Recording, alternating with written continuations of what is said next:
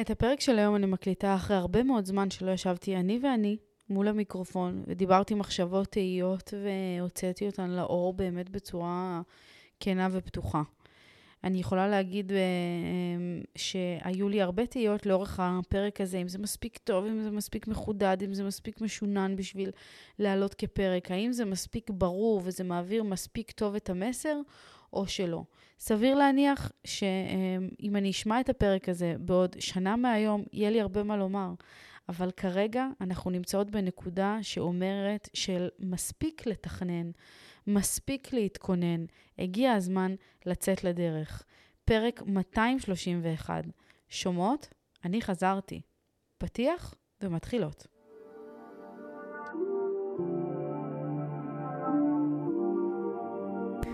ברוכות הבאות יקירותיי לפודקאסט אימפרית אימהות בצמיחה. כאן אנחנו מדברות תודעה, אהבה ואמת, בשילוב עם כל השיעורים והניסיונות והקשיים שאנחנו עוברות בדרך, הן באימהות והן בחיים בכלל. אז רגע לפני שאנחנו מתחילות, תפתחו את הראש, תנקו את המחשבות ותהיו מוכנות לצלול פנימה. הנה זה בא.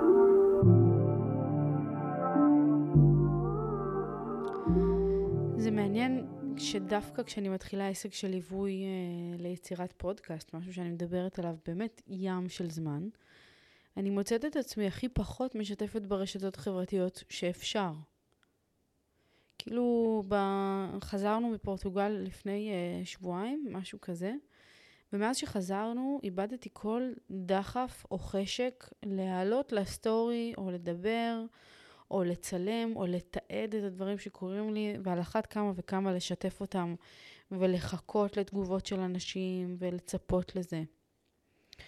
זה כאילו שנמאס לי מהדחף הזה לפתוח מצלמה, ובא לי באיזשהו אופן פשוט לחיות את הרגע, כאילו... יש לי אפילו אם אני מכניסה אתכם לתחושות שלי, כואב לי המפרק של היד. אתם מכירות את זה? של לפתוח כאילו את המצלמה, להחזיק את המצלמת האייפון ולצלם, כואב לי. כאילו נמאס לי מהדבר הזה, נמאס לי לתעד כל הזמן. וזה באמת מעניין שזה קורה בשלב הזה, שכאילו מחר אני יוצאת לאיזושהי דרך חדשה שהרבה מאוד זמן חיכיתי לצאת אליה. הרבה מאוד זמן דיברתי על זה וסיפרתי על זה, וכאילו על, על זה שיהיה לי פה אולפן הקלטות, ואנשים יבואו ויקליטו ואני אלווה אותם וכל הדבר הזה. כשהדבר האמיתי שעומד במרכז, בלב ליבו של הפרויקט הזה, זה העובדה שאני מלמדת אנשים איך להפוך את השיתוף שלהם, את, ה, את היום-יום שלהם, לתוכן איכותי שהקהל שלהם יצרוך ובעקבותיו יבוא, ומעבר לזה גם לטיפול שהם יעברו. אנחנו באמצע השיפוצים פה, וממש אתמול, אה, שלשום, צבענו פה את האולפן, ואמרתי למיכו שהכי בלוגרי מצידי יהיה להעמיד מצלמה ולעשות כזה, להריץ מהר איך אנחנו הופכים את, ה, את המקום, ה, ה, את הקירות הלבנים האלה ואת המקום הריק הזה למקום חי ולארמון מטורף. שזאת אחת, דרך אגב, מהיכולות המדהימות ביותר שיש לי ולמיכו, להביא חיים ואנרגיה לכל מקום שאנחנו מגיעים אליו.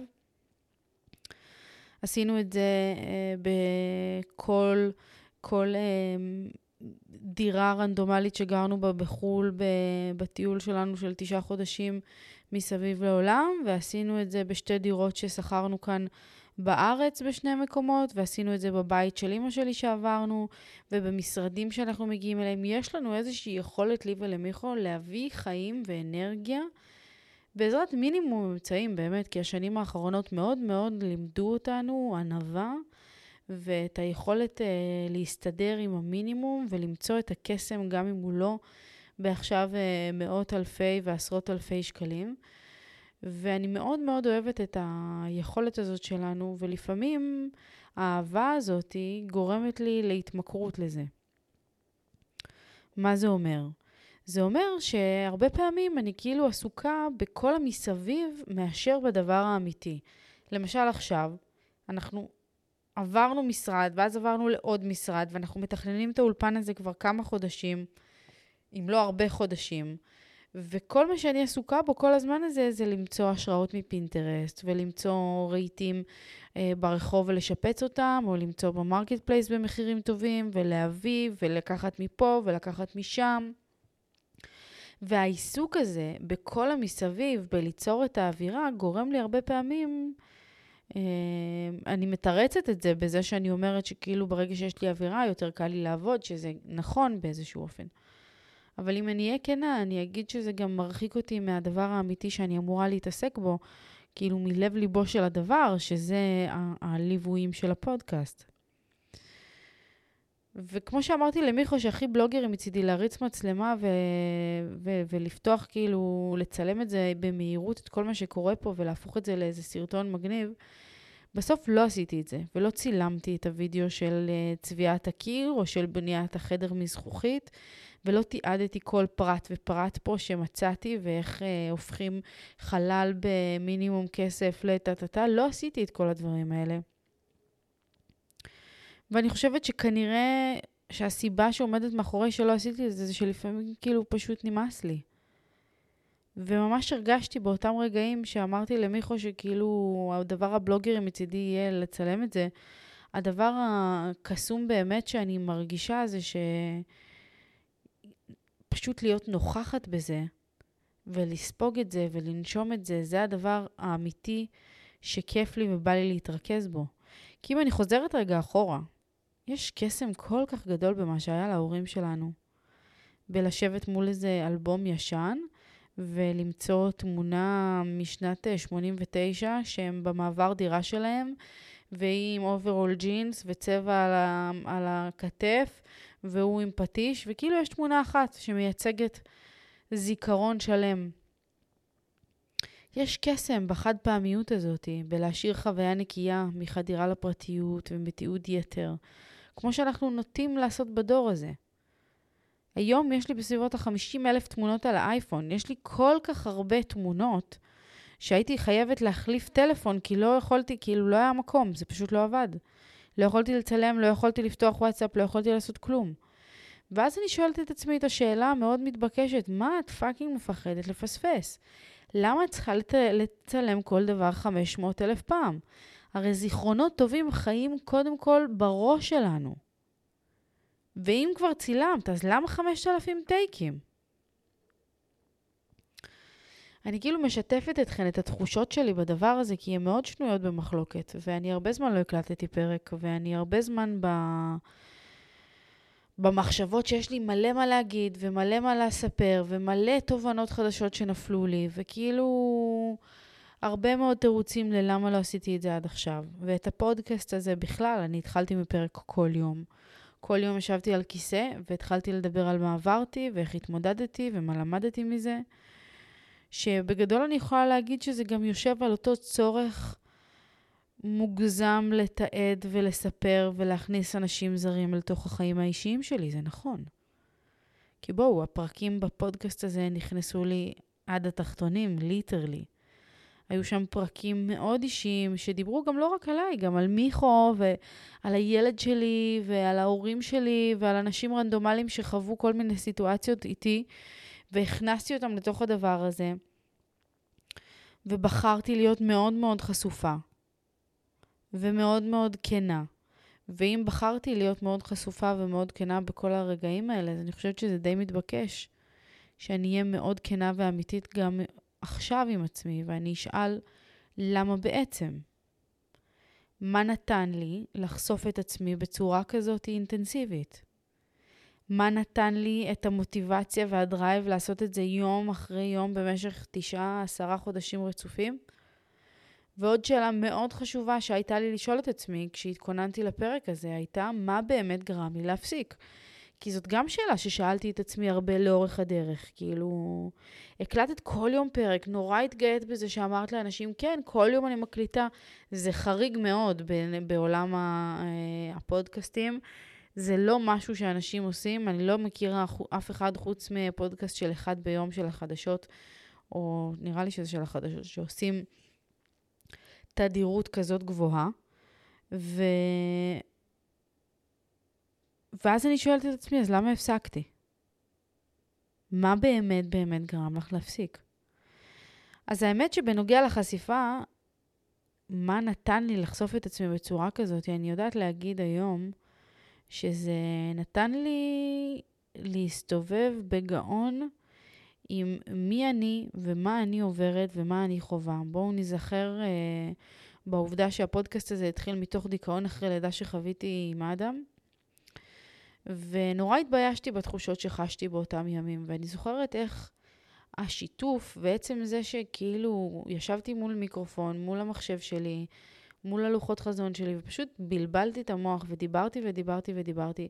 זה עזר לי לקבל ולהכיל את מה שאני עוברת ולהפסיק להתבייש בזה. להפסיק להתבייש בזה, לא לפחד מלהביע את המחשבות שלי בקול רם, לא לחשוש שהדעות שלי או הדרך שבה אני באה לידי ביטוי לא מתאימה או לא נכונה או לא מנומסת. הרבה מהפרקים שדיברתי עליהם היו מאוד חשופים עד כדי בוטים בצורה שבה בחרתי להתבטא. ואני יכולה להגיד שבמציאות, כאילו, הרבה מהדברים שאני מדברת בפודקאסט, לא כל אחד יזכה אה, לשמוע אותי אומרת את הדברים האלה, כי תמיד יש לי איזשהו פילטר בראש, כשאני פוגשת אנשים, אני גדלתי בצורה מאוד... אה, אני כאילו, נימוס אצלי זה מעל הכל, ואם אני מרגישה שה... שלי או השפה שלי לא תואמת את האנשים שמולי, אני לא ארצה להביך אותם ואני לא ארצה... אז אני פשוט אצניע ואני אתאים את עצמי יותר לאנשים שעומדים אה, מולי. זה גם איזשהו תהליך שאני עוברת עם עצמי, אבל הזכות שקיבלתי באמצעות הפודקאסט הזה, היא פשוט לדבר מה שאני חושבת, איך שאני חושבת, מבלי להתנצל על זה. אז החשיפה הזאת, היא אפשרה לי להיות אני, במלוא מובן המילה, בלי לבקש סליחה, ובלי אה, אה, כזה להסתתר מאחורי משהו. פשוט לדבר את המחשבות שלי, להוציא אותן החוצה בצורה הכי plain, הכי נקייה, הכי אמיתית ואפשר, שאפשר. ואני יכולה להגיד שאני אמ, הרבה יותר מעיזה היום בזכות הדבר הזה.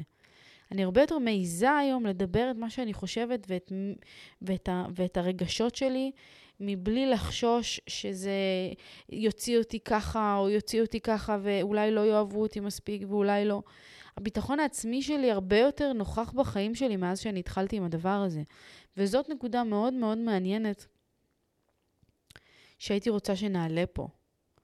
שהעניין שה... הזה, או היכולת הזאת לדבר את המחשבות שלנו באופן יומי, באופן קבוע, לא לטאטא אותן מתחת לשטיח, לא להתעלם מהן, מייצרת איזושהי, איזושהי הסכמה וקבלה של מי אני. במקום כאילו לבוא ולהגיד, אוקיי, זה אולי לא מתאים שאני אגיד את הדברים האלה, אולי אני אשתיק, אולי אני אקטין, אולי אני כאילו... אולי אני לא אספר ליד כולם את מה שאני חושבת, כאילו אולי מתוך המקום הזה, בגלל המקום הזה, אני הצלחתי למצוא איזשהו כלי שמאפשר לי להסתובב בגאון בעולם ולהגיד, וואלה, אני נועה. זה מה שאני חושבת. ככה אני פועלת. זה לא אומר שאני אה, אה, אדבר בבוטות ואעליב ואשתלח באנשים. אני אגיד מה שאני חושבת, אבל אלה הדעות שלי. וזאת מי שאני. ואני לא אמצא חן בעיני כולם, וזאת גם נקודה חשובה שאנחנו חייבות לזכור אותה. אנחנו לא יכולות למצוא חן בעיני כולם. וזה באמת משהו שקיבלתי בזכות החוויה הזאת. את המוטיבציה והדרייב לעשות את זה יום אחרי יום במשך uh, תשעה חודשים רצופים, אני יכולה להגיד שהשגתי בזכות העובדה שזה שחרר מעליי הרבה עומס. זה מצחיק שאני מקליטה את זה היום, אחרי שאתמול קיבלתי איזשהו מסר uh, מהיקום מאוד מעניין. אנחנו סוחרים פה את המשרד את האולפן שלנו, ובשכנות אלינו נמצא המשרד של מיכל גרין. אני לא יודעת מי מכן מכירה, אבל כל מי שעובר פה יודע מי זאת, וכל מי שנכנס למשרד שלנו אמר, יואו, זאת, זה המשרד של מיכל גרין, וואו, וואו, וואו. היא נמרולוגית מאוד מוכרת, וככה יצא לנו להיפגש כמה רגעים ופטפטנו בינינו. והיא אמרה לי, את מספר חמש, ואז היא אומרת, כאילו דיברנו על זה שיש לי אולפן הקלטות לפודקאסטים וכולי וכולי, והיא אמרה לי, זה מאוד מאפיין את מספר חמש, כי גם היא חמש. אנחנו צוברים ידע ויש בנו איזשהו צורך קיומי להוציא אותו החוצה. וכשאת לא עושה את זה, אז את מוצפת. וזה מאוד נכון, כאילו, אני... היכולת שלי אה, אה, לדבר את התובנות שלי, או לשתף את השיעורים שאני עוברת. זאת יכולת מאוד חשובה לבן אדם שאני, כי כשאני לא עושה את זה, אני מרגישה לא מוערכת, לא חשובה, לא תורמת מספיק לעולם. יכול להיות שיהיו פה נשים אה, עם מספר אה, חמש על פי השם הפרטי שלהן, זה לחבר את ה... את ה... זה כאילו הנמור... איך קוראים לזה? לחבר את האותיות, את המספרים של האותיות, ולהגיע למספר מצומצם בסוף. נועה זה מספר חמש בסוף. יכול להיות שיהיו פה נשים שירגישו שהן חולקות את אותה תכונה, וכדאי לבדוק את זה. וזה עשה לי הרבה שכל בראש כשהיא אמרה את זה, כי זה באמת נכון. בכל התקופה האחרונה ובכללי, יש לי איזשהו... איזשהו צורך להעביר מידע, כאילו, אני כל החיים שלי מרגישה את זה, אבל אף פעם לא ידעתי לקרוא לזה בשם יותר מדי. וההקלטה הקבועה והכתיבה והדיבור על התובנות שאני מקבלת עוזרת לי להצמיח ובאותה נשימה לצמוח בעצמי. זאת אומרת, אני חווה את הצמיחה שלי דרך צמיחה של אנשים אחרים. אני עוברת את השיעורים שלי, את התובנות שלי, את הדברים שאני חווה מהחיים האלה, ובזה שאני מלמדת את זה ומעבירה את זה הלאה, אני זוכה לצמיחה. ככה שמבחינתי, המוטיבציה והדרייב לעשות את זה יום אחרי יום במשך כל כך הרבה חודשים רצופים, מבלי שידעתי, היה זה שקיבלתי את, ה, את היכולת לצמוח, יחד עם זה שקיבלתי את היכולת, את הזכות להצמיח. זה כמו שהיינו בפורטוגל, והסתובבנו שם, הם עושים, יש כאילו בכל פינה שם מוכרים תיקי שעם כאלה. כל מיני תיקים, תיקי יד, תיקי גב, כל מיני ארנקים וזה, והכל משם, ותפסתי איזה מוכרת שם, אמרתי לה, מה הסיפור פה? שמוכרים את זה בכל פינה, כאילו, מה הקטע שלכם עם שם? והיא אמרה לי שזה העץ הלאומי שלהם פה בפורטוגל, ושהייחודיות בעץ הזה, זה כמה שכאילו מגלפים את החומר הזה ממנו יותר, ככה הצמח ממשיך לגדול יותר.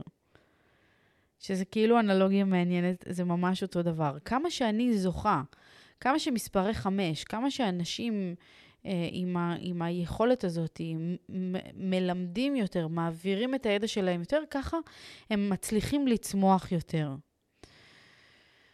וזה הסבר מאוד טוב לאיזה drive, איזה drive היה כדי שאני אגרום לדבר הזה לקרות. וכאילו אם אני מגיעה בסופו של דבר לשאלה השלישית ואולי החשובה מכולן ברגע הזה, זה אם זה היה כל כך טוב, אז למה הפסקת? ואני יכולה להגיד כי כנראה פשוט התחלתי לתרץ, כי התחלתי למצוא הסברים מאוד משכנעים למוח שלי למה אני לא חייבת היום, ומחר, ומחרתיים. למה אני לא חייבת להקליט עכשיו, למה אני לא יכולה, כי אין לי זמן ולא נוח לי ואני לא ישנה ואני לא מרוכזת. אבל עכשיו כשאנחנו מדברות כאן, אני יודעת להגיד שזה סתם תירוצים, כי מי שאני הייתי באותה תקופה של ההקלטה, כשהקלטתי באופן קבוע, היה הבן אדם שאני רוצה להיות כל יום בחיים שלי. אני הייתי הרבה יותר מאוזנת, הרבה יותר אנרגטית, הרבה יותר בצמיחה מתמדת. אני מרגישה שהאנשים סביבי הרבה יותר הופרו, מערכות היחסים שלי היו הרבה יותר טובות, גם עם מיכו, גם עם החברים שלי, גם עם הילד שלי באיזשהו אופן כשאני חושבת על זה. כאילו כל מערכות היחסים שלי היו הרבה יותר טובות כי זכיתי אה, לתרגם סיטואציות לכדי תובנות והבנתי מה קורה והצלחתי לשחרר את זה החוצה. והמערכת היחסים הכי משמעותית כנראה שהשתפרה באותם ימים הייתה מערכת היחסים שלי עם עצמי. אני מאוד הבנתי את עצמי באותם ימים. אני מאוד כאילו הייתי קשובה לתחושות שלי, הייתי הרבה יותר סבלנית, הייתי הרבה יותר אה, אה, מובנת. כאילו, המון פעמים אנחנו מוצאות את עצמנו במין תקופה כזאת ארוכה ומתמשכת של כאילו, מה את רוצה? את רבה עם אנשים על שטויות, ואת לא מבינה כאילו, על למה את נתקעת, אחותי? תשחררי, תמשיכי הלאה. למה אין לך אנרגיה לעשות ככה וככה? למה את מתקטננת על השטויות האלה? הרבה פעמים אנחנו נכנסות ללופ הזה, ובנות מזל דגים, שזה אני גם, אנחנו יודעות להגיד שמצבי רוח זה משהו שהוא מאוד uh, בולט בחיים שלנו, אני יודעת את זה, ובאמת אחד מהדברים שעזרו לי להשתלט על מצבי הרוח שלי באותם ימים, זה היה הדבר הזה. אז עכשיו בצורה מאוד כנה, אני אגיד שזאת הייתה הסיבה שהפסקתי עם כל הדברים האלה, כי פשוט תירצתי לעצמי תירוצים, שזה לא יהיה מספיק טוב וזה לא יהיה מספיק רותי, וגם עכשיו, בוא, בזמן הזה שאנחנו מדברות ומקליטות את הפרק הזה, אני אומרת, וואי, זה לא מספיק מדויק. זה לא מספיק טוב, המסר לא עובר פה מספיק ברור, וחבל על הזמן שלי, וחבל על הזמן של האנשים שמאזינות פה לפרק. אבל אני מזכירה לעצמי דברים שהזכרתי לעצמי אז-אז בתחילת הדרך, שאמרתי משהו מאוד פשוט, של את לא צריכה לחכות שזה יהיה מושלם כדי לגרום לזה לקרות. זה גם אחד מהעקרונות שאני רוצה להעביר ב, ב, בתהליכי ליווי שלי, של את לא יכולה להקליט פרק 5,000 פעמים, את לא יכולה לצפות שהוא יהיה מושלם ברמת הזרימה שלו, ברמת התוכן שלו, ברמת המסרים שלו, ורק אז להעלות אותו, כי את לא, לעולם לא תעלי פרק. ועצם העובדה שאת מקליטה ומדברת ומתנסה ומשתפשפת ופשוט מעלה את הפרק החוצה, ונותנת לו הזדמנות לצאת לעולם ולשמוע אוזניים, ושיהיו אנשים שיאהבו ויהיו אנשים שלא יאהבו, את באיזשהו אופן מתנסה בצורה הכי עוצמתית שיש בחיים האלה, בכוח של היצירה, בכוח של הדיבור שלך. ואם אני חוזרת ל... אמ, לתקופה שבין הזמן שהפסקתי להקליט ועד עכשיו, עברתי הרבה מאוד משברים בכל החודשים האחרונים האלה מאז שעברנו דירה. על חלק כתבתי, ו- ו- וכאילו אה, אה, כתבתי פרקים ותכננתי להקליט אותם, ולא עשיתי אותם מאותם מניעים שאמרתי לכם עכשיו. מבוכה, חוסר ביטחון, שזה לא יהיה מספיק טוב וכולי וכולי. אבל באחד הרגעים הכי נמוכים שלי, אני זוכרת את עצמי, אני אספר לכם רק את, ה, את, ה, את הרגע הזה, כי הוא די רגע מייצג. אני זוכרת שבכיתי במיטה, היה לילה, והגעתי למיטה שלי ובכיתי, ואם דיברנו מקודם על הרגעים האלה שאנחנו לא מבינות את עצמנו, פשוט שכבתי במיטה ובכיתי ולא הבנתי מה עובר עליי. לא הבנתי מה עובר עליי, בכיתי כמו בכי מתייפח של תינוק, כאילו אני בטנטרום. ולא הצלחתי להירגע, ומרוב שבכיתי בקול רם, מיכו שמע אותי מלמעלה וירד למטה. והוא לא הבין מה קרה. ולקח לי הרבה מאוד זמן למצוא את המילים כדי להסביר לו מה קרה ומה אני מרגישה. ובסוף כשהצלחתי למצוא את המילים, אז אמרתי לו שאני מרגישה שהקרקע נשמטת מתחת לרגליים שלי, כי שוב אדם מתחיל גן. ועד שהתרגלתי להיות איתו בבית מחדש, ולמדתי ליהנות מזה, ולראות את הפלוסים של זה, אז עכשיו אני צריכה לחשב מסלול מחדש ולעבור שוב לכובע של נועה היזמית, נועה זאת שמחפשת את עצמה בעולם העבודה, ומה את אמורה לעשות, והייעוד שלך, ותה תה תה תה תה תה תה. שבאיזשהו אופן זה המקום המאוד מאתגר שלי בחיים האלה. כי אני, שאני בבית עם הילד שלי, או לתחזק בית, זה המקום הנוח שלי כביכול. הרבה פעמים אני לא רוצה להיות שם, כי אני מרגישה פומו של אוי אוי אוי, מה את מפספסת בחוץ. אבל זה המקום הנוח שלי, ולצאת מהמקום הנוח שלי, אל המקום של עוד פעם, אוקיי, ייעוד, מקצוע, קריירה, מה את צריכה לעשות? את צריכה להציב את עצמך מול לקוחות, הם צריכים לבחון אותך, הם צריכים להגיד לך, את טובה, את לא טובה. כאילו פתאום כל החוסר ביטחון שלי, פתאום כל הדברים שאני לא בטוחה בנוגע, בנוגע אליהם, עליי, על המקצוע שלי, על מה שאני עושה, האם אני טובה מספיק, האם יש לי יכולות מספיק מחודדות כדי ללמד אנשים, כדי להעביר את זה הלאה. כל הדברים האלה התחילו לצוף באותם רגעים. ואין שום אה, מילה מספיק טובה לתאר את התחושה שחוויתי באותו רגע, חוץ מפשוט סערת רגשות שהשתלטה עליי. מיכו לא כל כך ידע אה, מה להגיד לי ומה לעשות, כי כל דבר שהוא אמר, אני די קטלתי לו את הצורה. ואז גם התחלתי להכניס כל מיני דברים אישיים של גם הזוגיות שלנו לא מספיק טובה עכשיו, ואני לא יודעת איך להתמודד עם זה, ושום דבר לא יציב בחיים שלי, ואני מרגישה שהקרקע נשמטת מתחת לרגליים שלי, וכלום לא בטוח וכלום לא ברור, ואני לוטה בערפל, ואני לא יודעת איפה אני, ונמאס לי מהתחושה הזאת. ואני זוכרת שהוא הסתכל עליי במין מבט בין מיואש למבולבל, לחסר אונים, והוא אמר לי, אני יכול להגיד לך הכי בפשטות, בואי נחפש לך איזה מטפלת או פסיכולוגית, או מישהי או מישהו שיעזרו לך להתמודד עם כל מה שאת מרגישה, כי באמת באותם רגעים זה הרגיש כאילו אני חייבת שמישהו יגאל אותי מעצמי.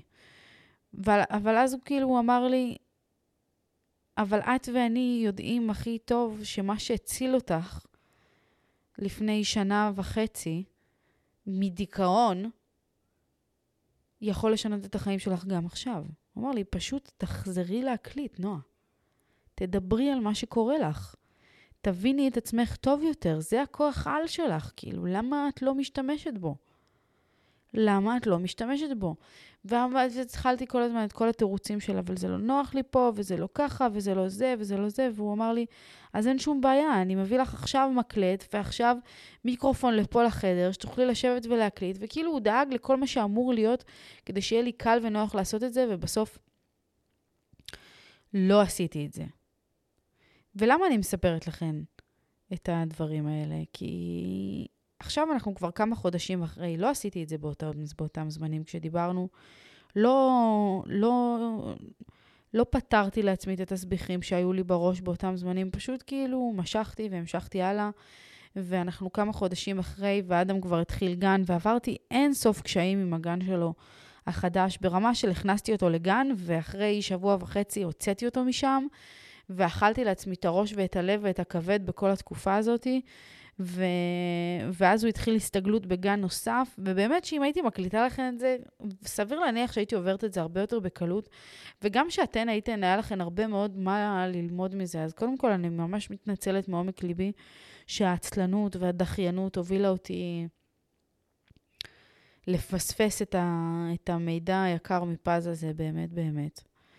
אבל uh, אני כן יכולה להגיד שבכל הזמן הזה שעבר, ואדם כבר נכנס לגן והסתגל, ואני התאהבתי ברעיון שהוא בגן, טסנו לחו"ל מיכו ואני לשמונה ימים, וצברנו כוחות ואנרגיה, ונכנסנו למשרדים החדשים שלנו עם אולפן ההקלטות שחפרתי עליו כל כך הרבה, עם אינסוף אנשים מוכרים וזרים כאחד. ובתוך כל השינויים שעוברים עלינו בחודשים האחרונים, מצאתי את עצמי שקועה עד צוואר בתכנונים ופינטוזים על איך יראה ומה נעשה כאן. שכמו שאמרתי לכם קודם, זה הסיח את דעתי מהדבר האמיתי שאני אמורה להתמקד בו, שזה תוכניות הליווי שלי. והפרק הזה שאני מקליטה לכם עכשיו, עושה לי הרבה שכל והרבה סדר עם הדבר הזה. כאילו, זה נכון שאני בתקופה שלא בא לי לתעד שום דבר, ואני לא מעלה לסטורי, ואני לא מספרת יותר מדי, ואנשים פוגשים אותי ואומרים לי, נו, ומה קורה עם אדם, ומה קורה בגן, כי היו תקופה, הייתה תקופה שתיעדתי וסיפרתי והכל וזה. זה נכון שאיבדתי את החשק לעשות את זה מהזווית הזאתי, אבל אני יכולה להגיד לכם שבזכות ה... באמת בזכות הפרק הזה, כאילו ישבתי להקליט פה היום כדי להתכונן לתוכנית ליווי הראשונה שמתחילה מחר, כדי להניע את הגלגלים שוב פעם מחדש. והדבר האמיתי והטוב שקרה פה זה שקיבלתי את המוטיבציה והאמת וה, והתחושה הנכונה ביותר ללמה בכלל אני עושה את מה שאני עושה. למה בכלל אני מבזבזת במרכאות את הזמן שלי ואת הזמן של אנשים אחרים ואומרת להם, בואו לפה, תקליטו פודקאסט. תפתחו לעצמכם איזושהי פלטפורמה, למה לעשות את זה? כי יש ביכולתנו להיות המטפלים של עצמנו. יש ביכולתנו להיות אחראים על הצמיחה שלנו באופן יומיומי, מבלי להיות תלויים בגורואים, מבלי להיות תלויים במטפלים, בפסיכולוגים, בוואטאבר. יש ביכולתנו להשתלט, לקחת שליטה על החיים שלנו, להבין למה הדברים קורים כמו שהם קורים ואיך אנחנו משפרים אותם. יש ביכולתנו לעשות את הדבר הזה ויחד עם זה, במקביל, לפתח פלטפורמה אמיתית, איכותית וטובה, שבה אנחנו נוכל להעביר ידע. להעביר תוכן, כשבסופו של יום, כל אחד מאיתנו, לא משנה מה הוא בוחר או בוחרת לעשות בחיים האישיים שלהם ברמת מקצוע, או אפילו ברמת אה, גידול ילדים וכאלה, ברגע שאנחנו מסוגלים ומסוגלות להוציא את הידע הפנימי שלנו החוצה, ברגע שאנחנו מפסיקים להתבייש במחשבות, בתחושות, באיך זה נראה אצלנו, באיך זה מרגיש אצלנו, אנחנו מקבלות באיזשהו אופן כוח מאוד מאוד מאוד עוצמתי להתגבר על כל החוסר ביטחון שבעולם, לבנות עמוד שדרה מברזל, לבנות יציבות פנימית מאוד מאוד חזקה, ולמשוך אלינו כמו מגנט את כל האנשים שזקוקים לדבר הזה גם בחיים שלהם. כי הנה עכשיו, אני מוציאה החוצה את כל, ה, את כל החוסר ביטחון שחוויתי בזמן האחרון לגבי איזה מין יוצרת תוכן אני, אם אני לא מייצרת ואם אני לא מעלה, ואם אני לא, כאילו, אם הפסקתי להקליט לפודקאסט, כאילו, איך את יכולה להמשיך ולהגיד שאת מייצרת תוכניות ליווי, ואת כאילו, יש לך פודקאסט ככה וככה, לא הקלטת איזה חודשיים. מאיפה יש לך את האומץ לבוא ולהגיד, מאיפה יש לך את הביטחון, את התעוזה, לבוא ולהגיד שתלכי ואת הולכת ללמד אנשים אחרים. כמה שהתרחקתי מהעשייה, ככה הפער, ככה הביטחון העצמי שלי הלך וירד. וכל הרהיטים והפיצ'יפקס שבעולם והצבע וכל הדברים שאני אסדר פה, משרד מרשים ומהמם ושהוא יהיה יפהפה, לא משנה כמה יפה הוא יהיה. ולא משנה כמה מגניב הוא יהיה, ולא משנה כמה אנשים יתלהבו כשהם ייכנסו פנימה, זה לא יפצה לעולם על היכולת שלי לשבת מול המלווה שלי, מול הלקוחה שלי, ולהאמין ולדעת שאני טובה במה שאני עושה, ושאני הולכת לקחת אותה למקום טוב. וזה נטו עניין של ביטחון עצמי. אז הנה, אני מוציאה את זה החוצה. אני נותנת רגע במה ל... לדבר הזה, של, לתחושות האלה, לחששות האלה שאני חווה, ואני מבינה שזה שלב שאני תמיד מנסה להימנע ממנו בחיים שלי, על לצאת לדרך באמת, כאילו לא רק לתכנן, לא רק לפנטז, לא רק למכור סיפורים, אלא וואלכ, לתת עבודה. להתמודד עם הפחדים שלי ועם החששות בנוגע למוצר שלי, ואולי בעיקר עם התהיות של האם יאהבו אותו. שזה אומר בעצם, האם הם יאהבו אותי. כי כשאנחנו מוכרות מוצר מסוים, על אחת כמה וכמה, כשזה משהו שבא מהבטן, משהו מאוד כאילו, את לא מוכרת שירותים של מישהו אחר. כשאת בונה מוצר ומוכרת אותו, אז באופן תת, שבאופן של התת מודע, את כאילו מרגישה שאת מוכרת את עצמך. ואם לא אוהבים את המוצר שלך, אז אולי לא אוהבים אותך. ומכאן חוסר הביטחון נובע. האם אני אהיה רצויה בסוף התהליך הזה, או שלא? ואם לא, אז מה זה אומר עליי? ואם אני לא אמצא חן בעיני כולם, האם זה אומר שאני צריכה לעזוב את התחום? אני מרגישה שהשאלות האלה מדייקות את המסר של הפרק הזה, ובכלל את, ה, את, ה, את המסר, את הסימן של היום הזה מבחינתי. לעובדה של האתגר הכי משמעותי בחיים שלי כרגע, הוא פשוט לצאת לדרך, פשוט לצאת לתנועה, להפסיק להתלונן על זה שאין מספיק אין פה מספיק uh, ספות, זה לא מספיק יפה, זה לא מספיק נעים, זה לא מספיק זה, את לא מספיק יודעת, אין לך מספיק ביטחון, אין לך מספיק כלים. להפסיק להתלונן. ותוך כדי הדבר הזה, לגלות, לגלות את המהות האמיתית של למה באמת הגעת לנקודה הזאת, ומה את באמת צריכה לספוג ממנה. גם אם מחר תתחילי את התוכנית ליווי שלך, הראשונה, ותוך כדי את תרגישי שיהיו חוסרים בדבר הזה, תוך כדי את תרגישי של וואלה, יכולתי להיות טובה יותר בדבר הזה, עצם זה שיצאת לדרך, עצם זה שכבר עשית את הצעד, נכנסת לזה, העזת להיות פגיעה ולקבל ביקורת מלקוח שיגיד לך, אולי זה לא מצא חן בעיניי, עצם זה מקדם אותך ומקרב אותך למי שאת רוצה להיות. ואני רוצה להיות בן אדם מאוזן, בן אדם אמיץ, בן אדם חזק מנטלית, שמסוגל להתמודד עם כל מה שהחיים האלה מביאים. כי אחרת, בשביל מה באנו לפה? לא באנו לפה כדי להיות בינוניים, לא באנו לפה כדי לשבת על הגדר, לא באנו לפה כדי לסדר תפאורה ובסוף כאילו לא לעלות על הבמה.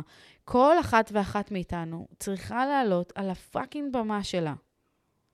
להעיז לעמוד בגאון, לתת את ההופעה של החיים שלה, ובסוף גם לתת הדרן כשמבקשים. בכל תחום. לא משנה מה את עושה, לא משנה איך זה נראה, לא משנה כמה בטוחה את מרגישה לגבי הדבר הזה. צאי לדרך. תפסיקי להתלונן. ואז את תגלי למה באמת הגעת לרגע הזה, מה את צריכה לספוג ממנו, ואיך את יכולה להפוך אותו טוב, להיות טוב יותר בפעם הבאה. זהו, יקירותיי, אני מודה לכם באמת מקרב לב על זה שחזרתם לכאן לפרק 231. אני התגעגעתי אליכן מאוד מאוד מאוד, ואנחנו ניפגש כאן בפרק הבא. עד אז, אלף נשיקות יקירותיי. צ'או.